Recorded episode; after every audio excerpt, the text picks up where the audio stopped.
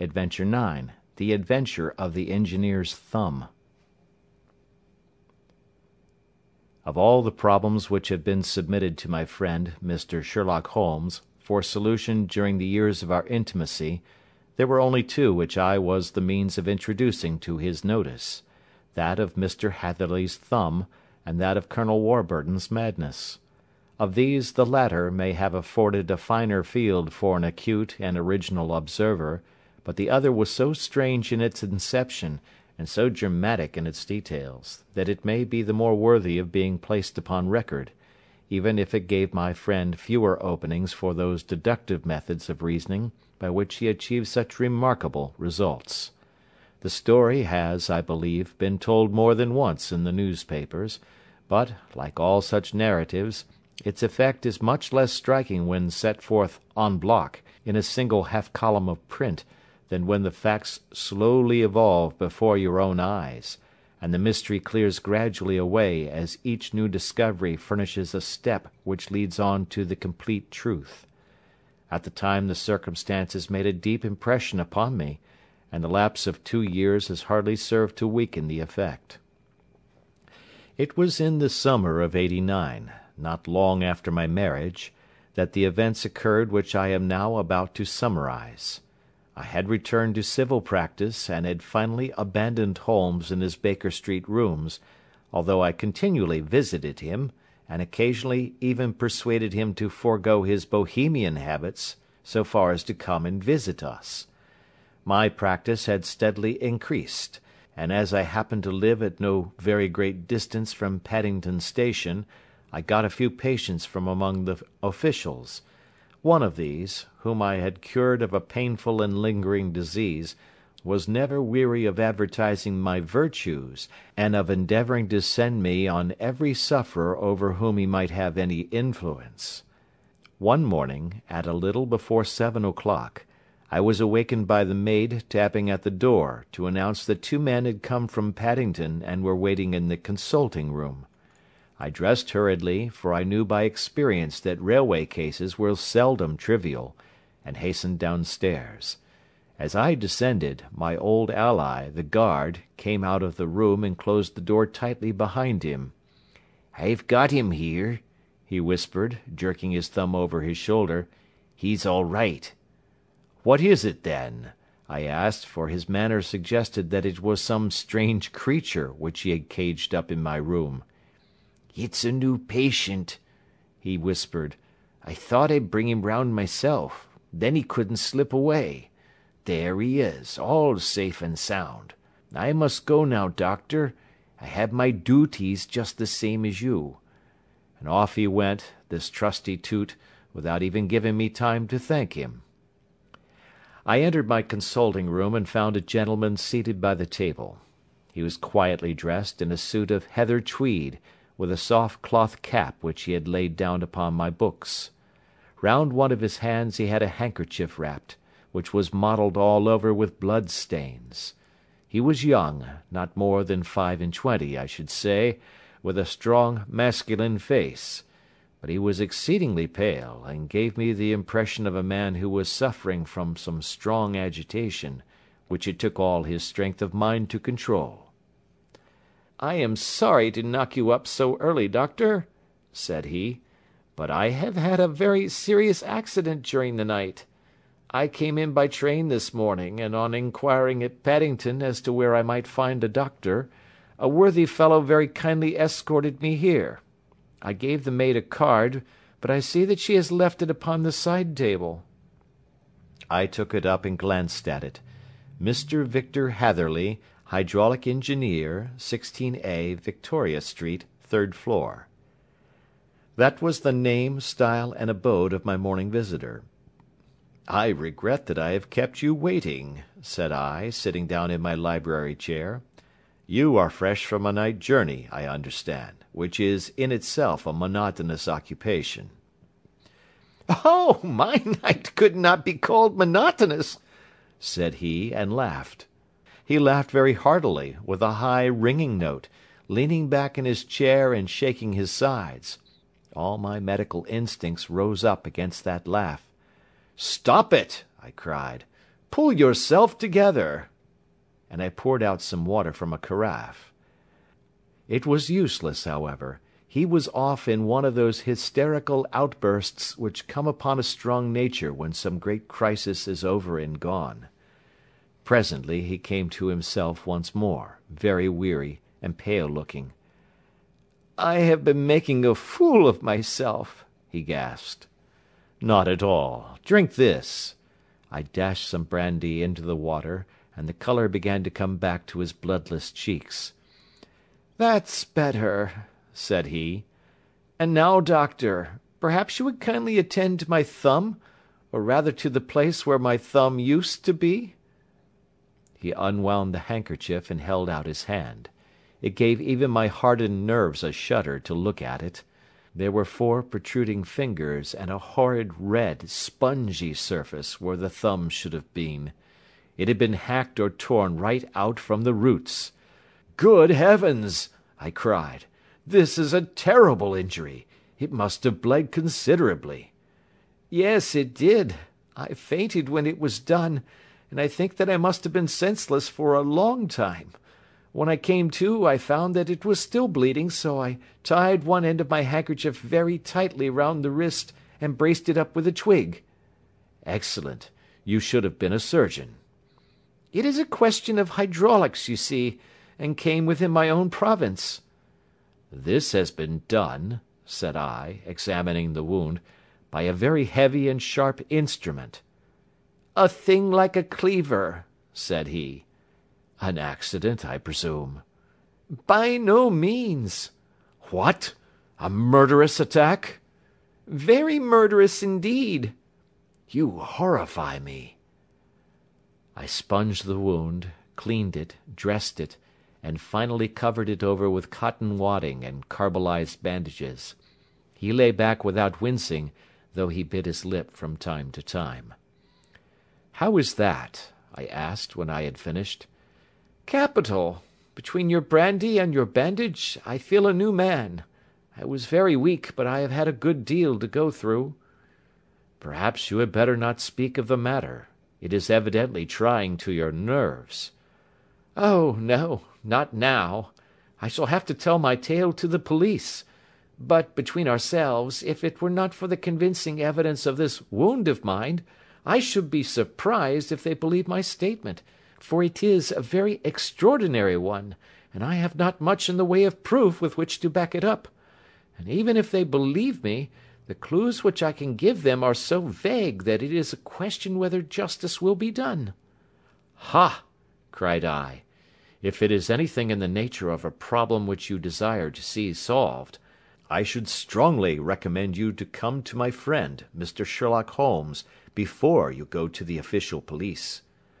"Oh, I have heard of that fellow," answered my visitor, "and I should be very glad if he would take the matter up, though of course I must use the official police as well. Would you give me an introduction to him?" "I'll do better. I'll take you round to him myself." "I should be immensely obliged to you." "We'll call a cab and go together. We shall just be in time to have a little breakfast with him. Do you feel equal to it?" "Yes. I shall not feel easy until I have told my story." "Then my servant will call a cab, and I shall be with you in an instant." I rushed upstairs, explained the matter shortly to my wife, and in five minutes was inside a hansom driving with my new acquaintance to Baker Street. Sherlock Holmes was, as I expected, lounging about his sitting room in his dressing gown reading the agony column of the Times and smoking his before breakfast pipe, which was composed of all the plugs and dottles left from his smokes of the day before, all carefully dried and collected on the corner of the mantelpiece. He received us in his quietly genial fashion, ordered fresh rashers and eggs, and joined us in a hearty meal. When it was concluded he settled our new acquaintance upon the sofa, placed a pillow beneath his head, and laid a glass of brandy and water within his reach. "It is easy to see that your experience has been no common one, Mr. Hatherley," said he. "Pray lie down there and make yourself absolutely at home. Tell us what you can. but stop when you are tired, and keep up your strength with a little stimulant." "Thank you," said my patient, "but I have felt another man since the doctor bandaged me, and I think that your breakfast has completed the cure. I shall take up as little of your valuable time as possible, so I shall start at once upon my peculiar experiences." Holmes sat in his big armchair with the weary, heavy lidded expression which veiled his keen and eager nature, while I sat opposite to him, and we listened in silence to the strange story which our visitor detailed to us. "You must know," said he, "that I am an orphan and a bachelor, residing alone in lodgings in London. By profession I am a hydraulic engineer and I have had considerable experience of my work during the seven years that I was apprenticed to Venner and Matheson, the well known firm of Greenwich. Two years ago, having served my time, and having also come into a fair sum of money through my poor father's death, I determined to start in business for myself, and took professional chambers in Victoria Street. I suppose that everyone finds his first independent start in business a dreary experience.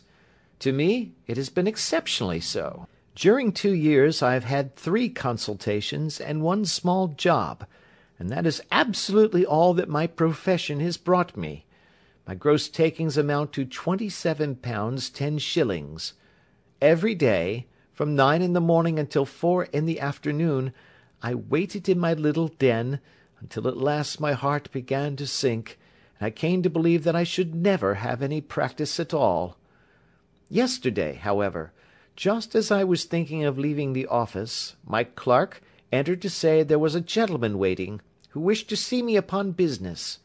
He brought up a card, too, with the name of Colonel Lysander Stark engraved upon it.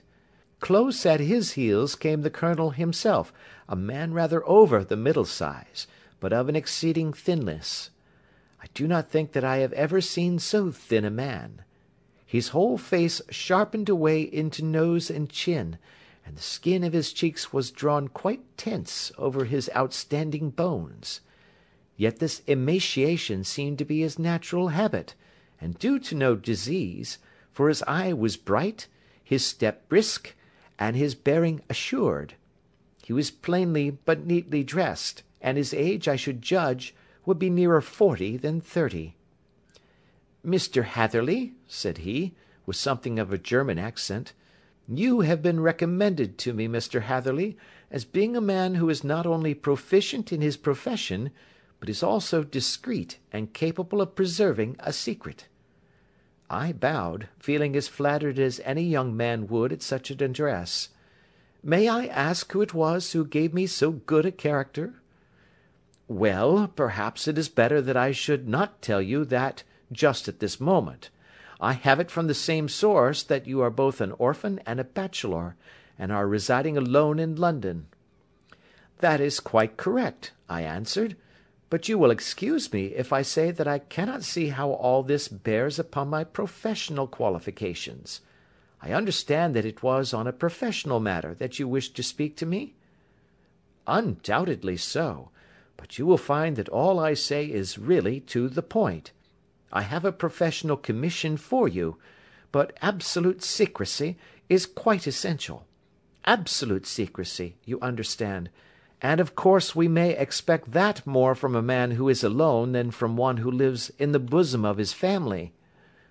"If I promise to keep a secret," said I, "you may absolutely depend upon my doing so. He looked very hard at me as I spoke, and it seemed to me that I had never seen so suspicious and questioning an eye.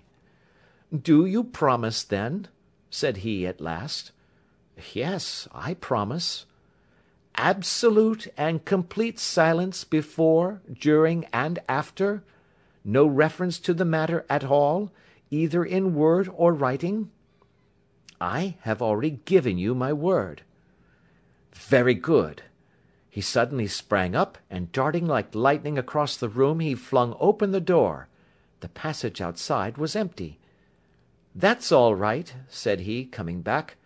"I know that clerks are sometimes curious as to their masters' affairs. Now we can talk in safety." He drew up his chair very close to mine, and began to stare at me again with the same questioning and thoughtful look. A feeling of repulsion, and of something akin to fear, had begun to rise within me at the strange antics of this fleshless man. Even my dread of losing a client could not restrain me from showing my impatience. "I beg that you will state your business, sir," said I. "My time is of value." Heaven forgive me for that last sentence, but the words came to my lips. "How would fifty guineas for a night's work suit you?" he asked. "Most admirably." "I say a night's work, but an hour's would be nearer the mark. I simply want your opinion about a hydraulic stamping machine which has got out of gear. If you show us what is wrong, we shall soon set it right ourselves. What do you think of such a commission as that?" "The work appears to be light and the pay munificent." Ah, "Precisely so. We shall want you to come to night, by the last train." "Where to?" "To Eyford, in Berkshire. It is a little place near the borders of Oxfordshire, and within seven miles of Reading. There is a train from Paddington which would bring you there at about eleven fifteen." "Very good." "I shall come down in a carriage to meet you." "There is a drive, then?" "Yes. Our little place is quite out in the country. It is a good seven miles from Eyford Station." "Then we can hardly get there before midnight. I suppose there would be no chance of a train back. I should be compelled to stop the night." "Yes, we could easily give you a shakedown." "That is very awkward. Could I not come at some more convenient hour?" "We have judged it best that you should come late. It is to recompense you for any inconvenience that we are paying to you, a young and unknown man, a fee which would buy an opinion from the very heads of your profession. Still, of course, if you would like to draw out of the business, there is plenty of time to do so.